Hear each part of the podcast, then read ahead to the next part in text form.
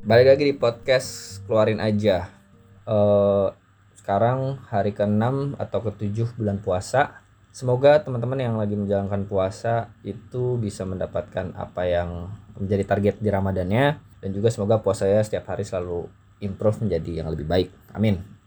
Eh puasa kali ini agak agak lumayan fun ya dibandingkan tahun sebelumnya karena mungkin eh ya corona sudah sudah berjalan selama lebih dari setahun walaupun gue gua gua rasa sih tidak ada tidak ada progres uh, bahwa corona ini akan selesai ya. Cuma yang jelas ya mungkin orang-orang jadi lebih berani jadi lebih aware dan ya undangan-undangan bukber sudah mulai bermunculan. Uh, orang-orang sudah banyak yang uh, lalu lalang setiap sore hari mau cari buka. Jadi feel Ramadan di tahun ini lebih berasa lah. Gue nggak tahu sih di tempat uh, lu semua gimana tapi ya semoga uh, itu semua tuh bisa bisa jadi angin segar lah buat buat kita bahwa oh ternyata bisa loh ini uh, kita tetap beraktivitas walaupun mungkin ya menghadapi fase new normal.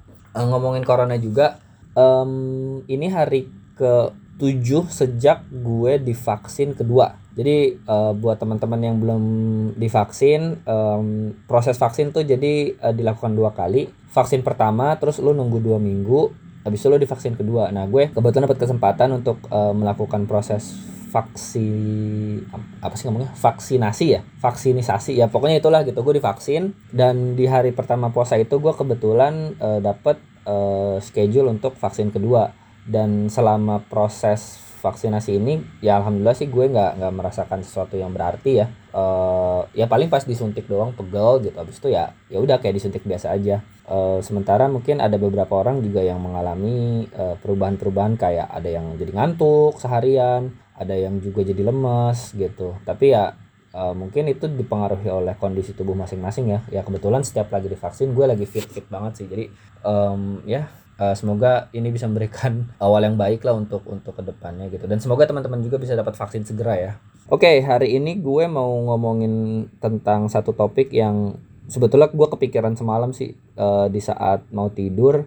Uh, biasanya kan kalau orang ti mau tidur itu kan kayak dia ngelamun terus uh, apa namanya ngobrolin atau ngerenungin mimpi-mimpinya gitu. Kalau gue kan kebetulan udah punya istri, jadi gue ngobrolin sama istri gue, uh, ngobrolin tentang mimpi-mimpi, tentang rencana gitu. Terus gue sampai pada satu titik di mana kayaknya uh, banyak loh orang yang termasuk gue ya di di di tahun-tahun sebelumnya tuh yang masih belum bisa ngebedain uh, dan ngetrit antara mimpi dengan rencana dengan baik gitu. Uh, dan ini kayaknya perlu untuk gue omongin agar ya at least buat jadi pengingat untuk diri gue dan mudah-mudahan ini juga bisa jadi trigger dan insight buat lo semua yang dengerin.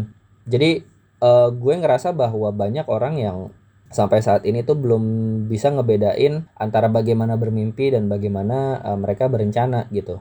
Well di satu sisi menurut gue yang namanya mimpi itu harus tinggi dan harus sejauh mungkin. Karena uh, kalau misalkan lu bisa bermimpi dengan tinggi dan sejauh mungkin ada pepatah yang ngomong yang berkata bahwa ya kalau lu mimpi setinggi langit ya lu akan jatuh di antara para bintang-bintang gitu. Well for some reason itu ya kono uh, penganalogian yang bagus bahwa ketika lu mimpinya tinggi banget gitu uh, dan lu berusaha untuk mencapai mimpi itu ya setidaknya kalau misalkan mimpi itu nggak nggak nggak tercapai tercapai banget lu sebetulnya udah berada di atas atau di posisi yang cukup tinggi gitu. Jadi uh, ini ini jadi satu fenomena yang harus uh, diingetin lagi sih dan juga uh, harus kita bangkitin lagi karena kayaknya anak-anak zaman sekarang kita masuk gue juga dulu itu kayak takut untuk bermimpi dan akhirnya tuh jadi punya mimpi yang nggak terlalu tinggi gitu. Dan akhirnya itu ngaruh ke kualitas hidup dan bagaimana lo menjalani hidup sih gitu. Itu itu based on pengalaman gue ya.